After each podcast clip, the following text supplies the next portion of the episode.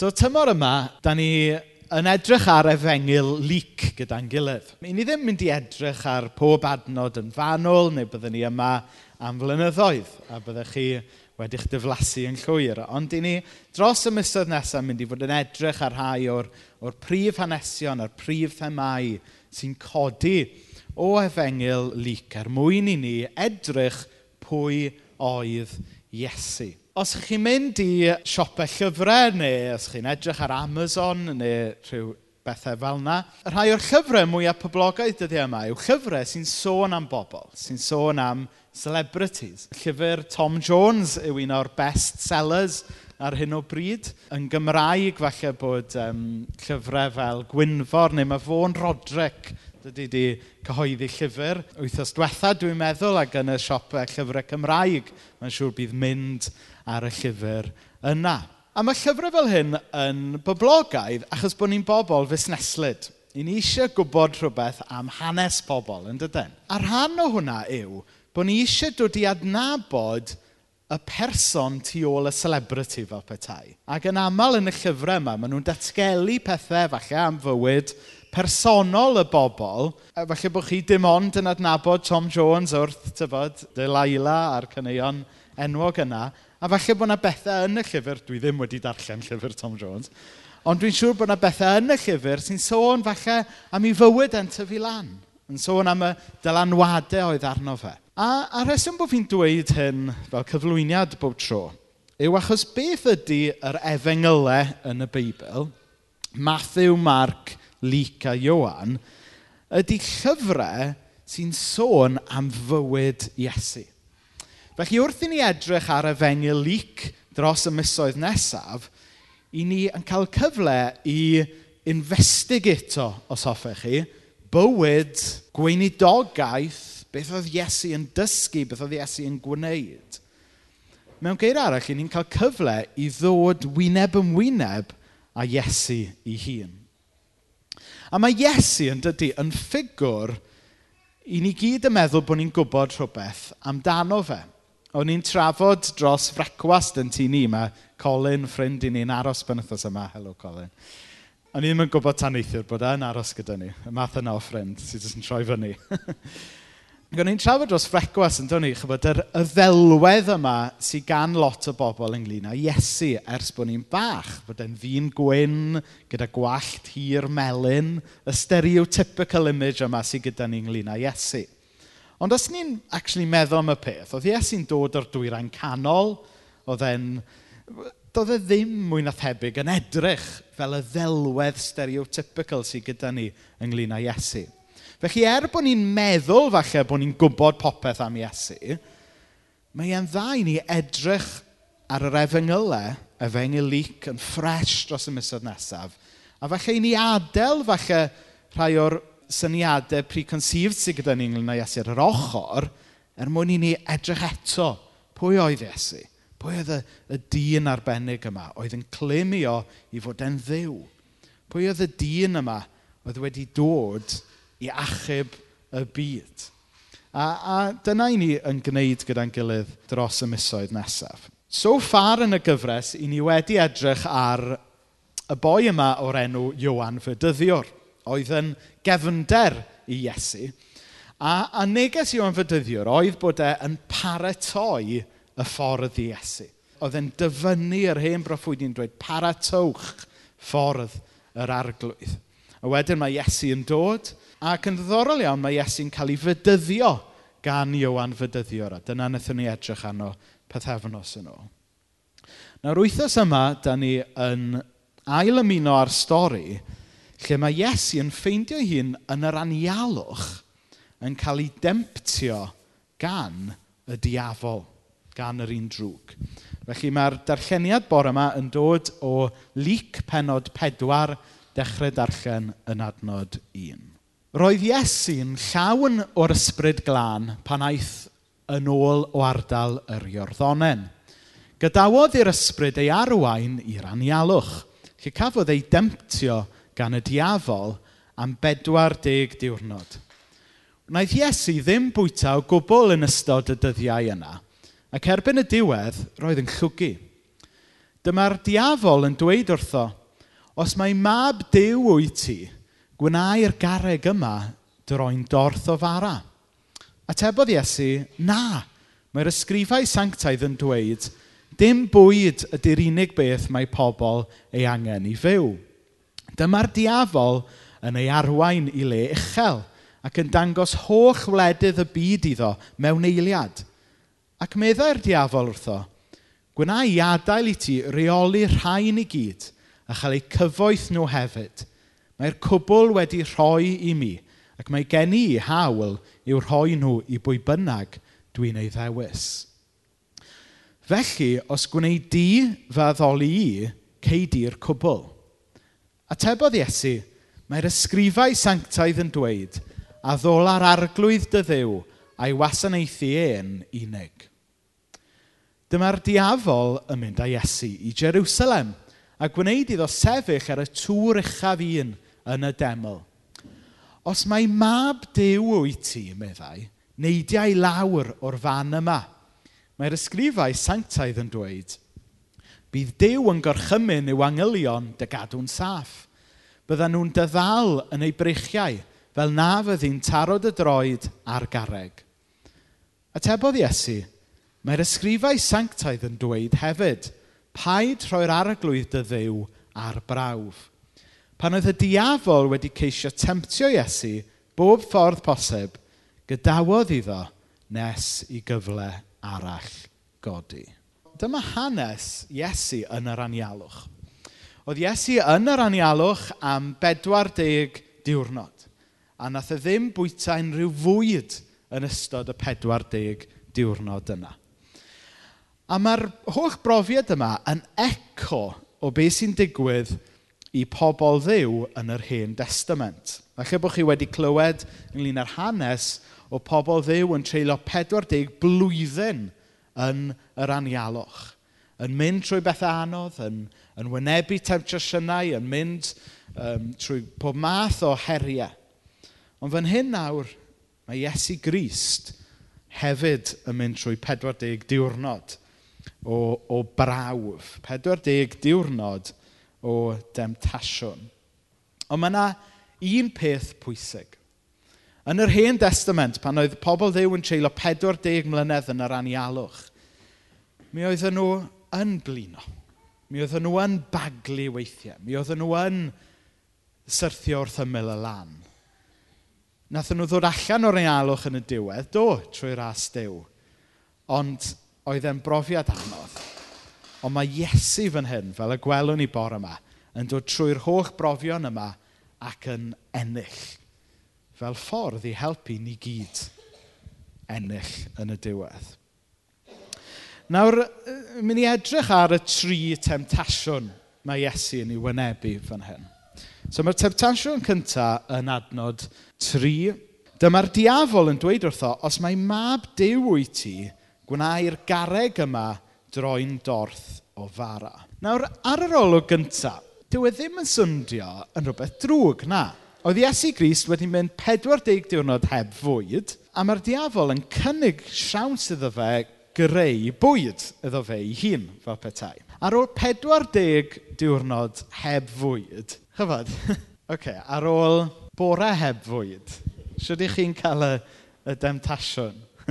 Dwi'n cofio ffrind i fi, Derek, oedd e'n neud yr um, Atkins diet yn unwaith, ac oedd e wedi mynd i rhyw frecwast yn rhywle. Ac oedd mountains o bacon yna, mountains o sausages, mountains o wyau a oedd e'n lli bita fe'n bynnag. Oedd e'n moyn o'r bacwn a'r sausages a'r wy, ond y ganol y bwrdd oedd un darn o dost, a hwnna oedd e eisiau mwy na dim byd. Ac, a tywa, mae'r stori ddoniol yna yn, yn rhoi rhyw syniad i chi'n dydy o, o falle beth oedd Iesu, y dyn, yn mynd trwyddo fe fan hyn, wedi mynd 40 diwrnod heb fwyd, a mae e'n cael cyfle fan hyn i greu rhywfaint o fwyd iddo fe ei hun. A byddwn ni ddim yn meddwl bod e'n afresymol i Iesu gymryd y bara. Ond wrth gwrs, nid y bara yw'r isw fan hyn, ond ym mhwy oedd e'n trystio ynddo fe.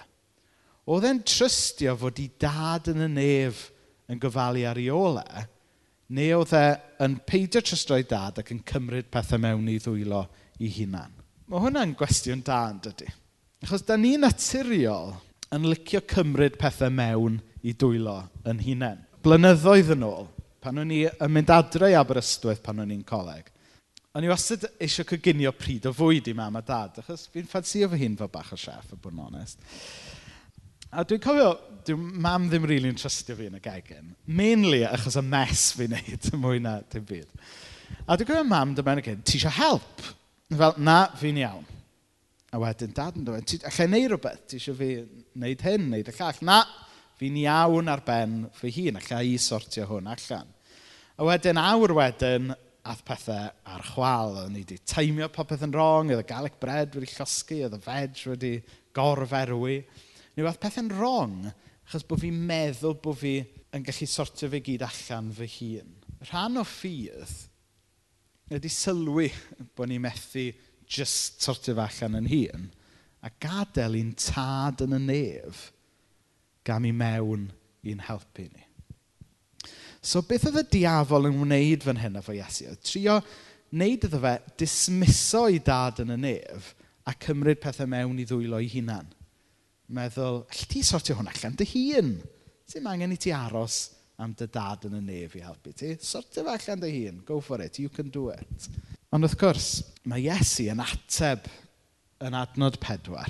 Na, mae'r ysgrifau sanctaidd yn dweud, dim bwyd ydy'r unig beth mae pobl ei angen i fyw. Mae pobl angen bara i fyw, yn dydyn? Dyna phan bod pethau fel y, y banc bwyd mor bwysig. Ond fel Cresnogion, da ni'n gwybod bod, bod na anghenion fwy dofn gan bobl hefyd, yn does? Mae rhai o bobl mwy y cyfoethog y byd, rhai o'r bobl sy'n digon o fwyd ar y bwrdd, yn rhai o'r bobl mwy unig a mwy a trist hefyd, dydy pethau, dydy bwyd yn y diwedd ddim y peth dyfnaf da ni angen. Da ni angen bywyd a dew i hun sy'n gallu rhoi y bywyd yna.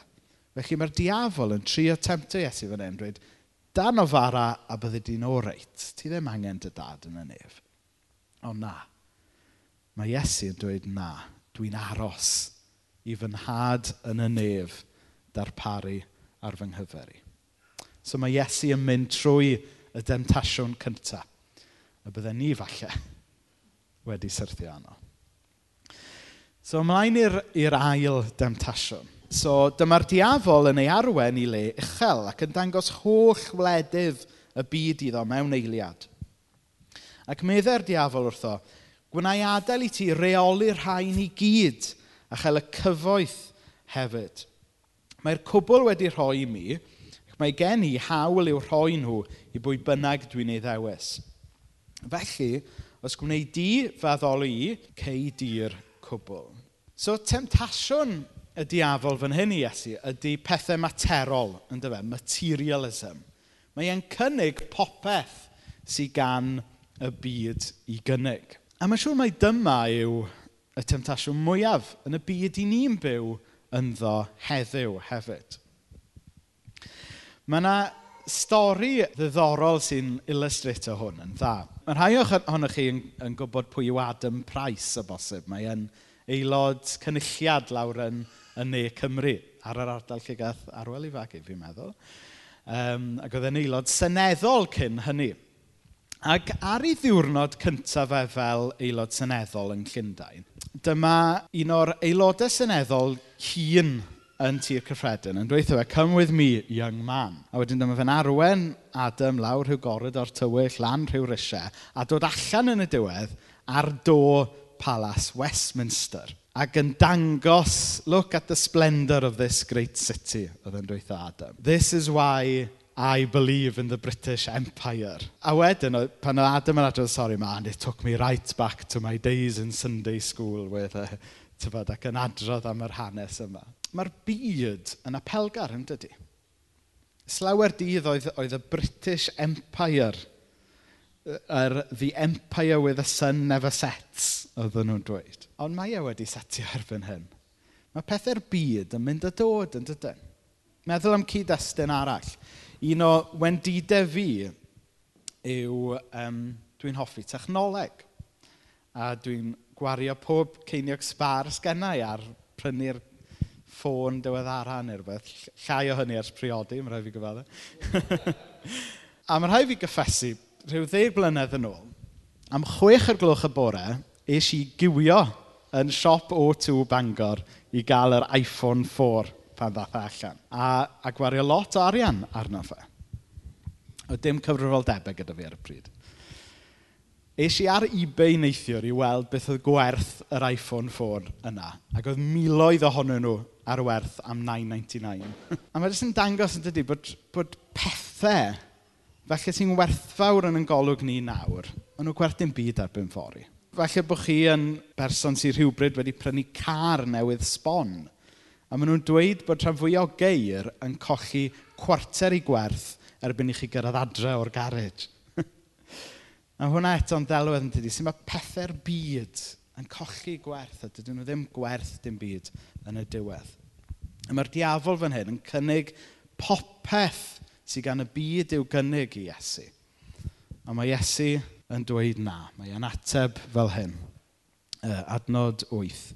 Mae'r ysgrifau sanctaidd yn dweud, a ddol ar arglwydd dy ddew a'i wasanaethu e yn unig. Achos oedd y diafol yn cynnig popeth i Iesu os oedd yn addoli y diafol.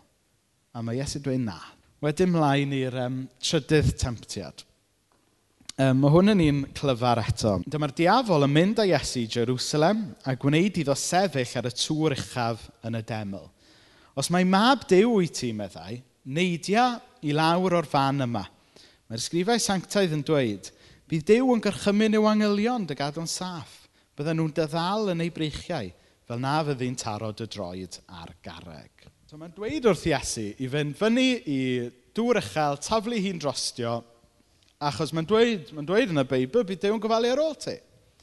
So beth cyntaf yn gyfrwys iawn mae'r diafol yn wneud ydy cam ddefnyddio y Beibl, ynddo fe? Cam ddefnyddio'r ysgrythyr. Mae'n misquotio dew. Mae hwnna'n glyfar yn dydy. Mae yna lot o hwnna'n mynd mlaen yn y byd, yn does? Pobl yn misquotio'r Beibl. Cyn i bod rhaid i ni fel Cresnogion fod yn ofalus bod ni ddim yn gwneud hynna weithiau, yn does? Rhyw fath o just sgiwio adnod, just i drio wneud pwynt neu ennill dadl. Mae'r diafol yn lle wneud hynna, yn dydy? Defnyddio adnod allan o'i gyd-destun e mewn tri a twyllio. Be mae'r diafol yn wneud ydy ceisio cael Iesu i roi dew ar brawf y petai, i testio dew.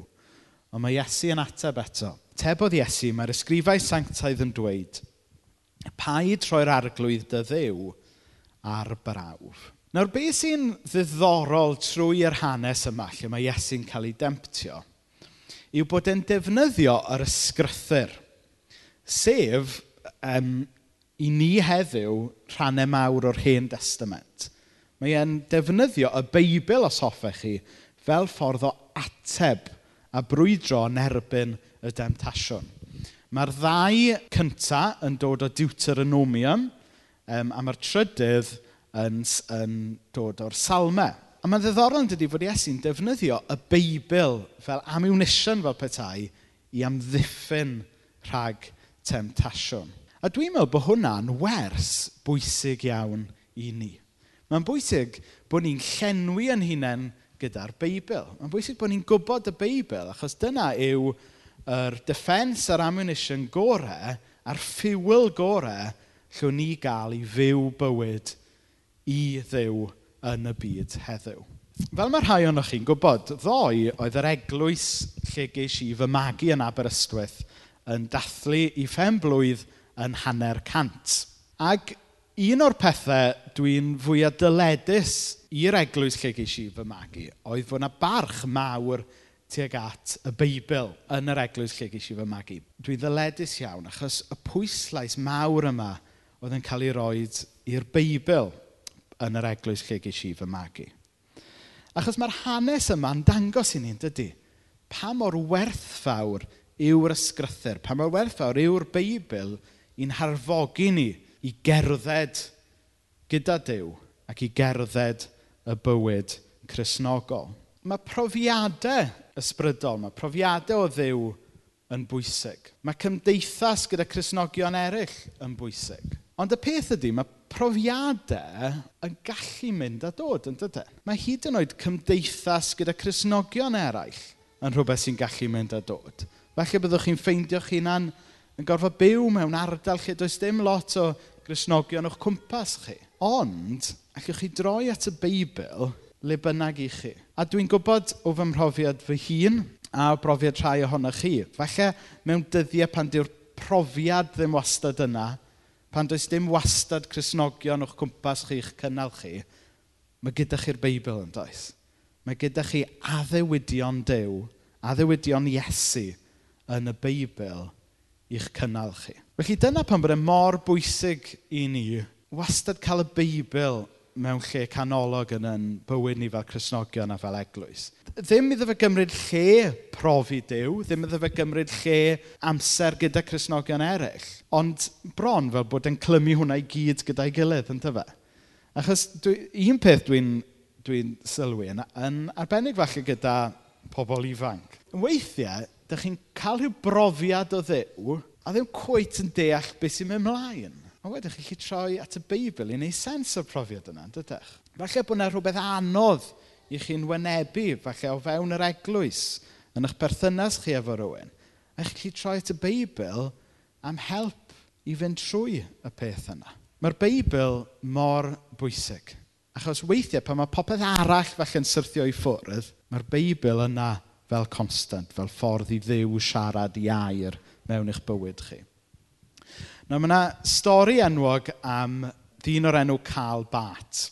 Mae e'n ddyn na sgwennu lot o lyfrau, a dreuliodd e i oes yn sgwennu llyfrau mawr sych am grisnogaeth. Denzel Morgan i ddweud y gwir, ydy'r unig Gymro dwi'n meddwl sydd wedi darllen nhw i gyd. Ac ar ei wely angen, nath rhywun ofyn i cael bat, wel, beth oedd ti'n trio dweud yn yr holl lyfrau mawr sych yma, er o'n nhw'n siŵr bod nhw heb ddweud sych, beth i ti wedi bod yn trio gwneud trwy dy yrfan yr holl lyfrau mawr yma sy'n llenwi llyfrgelloedd? Wyt ti'n gallu crynhoi beth oedd ti'n trio dweud? A dyma fe'n dyfynnu yr hen bennill Jesus loves me, this I know, for the Bible tells me so. A dwi'n siŵr oedd ei wraig a'n meddwl, pam ydych ti ddim wedi dweud hynna ar y dechrau? lle, lle fod wedi colli ti y dystydu drwy dy oed. Jesus loves me, this I know, for the Bible tells me so. Mae'r Beibl yn bwysig. Iesu hun yn parchu'r Beibl ac yn defnyddio'r Beibl. A dylai hwnna fod yn wir amdano ni. Nawr mae'r hanes yma ynglyn â Iesu yn wynebu temtasiwn yn stori hyfryd. Achos i ddechrau, dydy temtasiwn ddim yr un peth a pechu. Mae hwnna'n pwynt pwysig i wneud. Mae Iesu'n wynebu temtasiwn, yn dydy? Ond mae Iesu yn berffaith. Mae Iesu heb bechu. So mae wynebu temtasiwn jyst yn rhan o fod yn ddynol os hoffech chi. Dyna pam oedd Iesu'n wynebu temtasiwn. Ond, y reality ydy, does neb yma mwy na thebyg heb syrthio i demtasiwn rhywbryd yn y choes.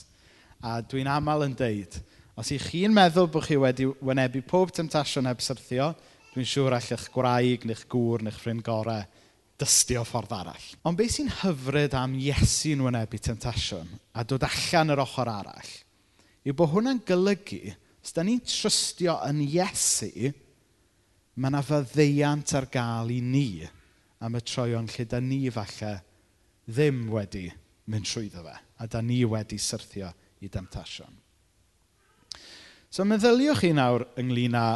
Dwi'n gwisgo un o'n chrysau newydd bore yma.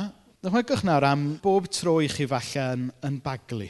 Bob tro i chi'n colli'ch tymer, bob tro i chi'n chi, gwneud rhywbeth falle sy'n neud Dyw yn drist a, a gwneud eich hun yn drist. Bych chi'n sgwennu'r peth yna ar eich Cris chi. Dwi ddim yn mynd i sgwennu dim byd ar ynghyreisi bore yma. A mae rheina falle'n cynrychioli y pechod a'r um, eogrwydd falle i chi'n cerdded rownd gyda chi. Ond oherwydd bod Iesu wedi wynebu temtasiwn a dod allan yr ochr arall heb syrthio, pan i ni nawr yn wynebu Dyw, i ni'n cael rhoi t-shirt gwyn fel petai, dros yn Cris ni sydd efo'r marciau yma i gyd. A pan mae Dyw yn edrych arno ni, dyw e ddim yn gweld y marciau yma. Mae e jyst yn gweld Iesu.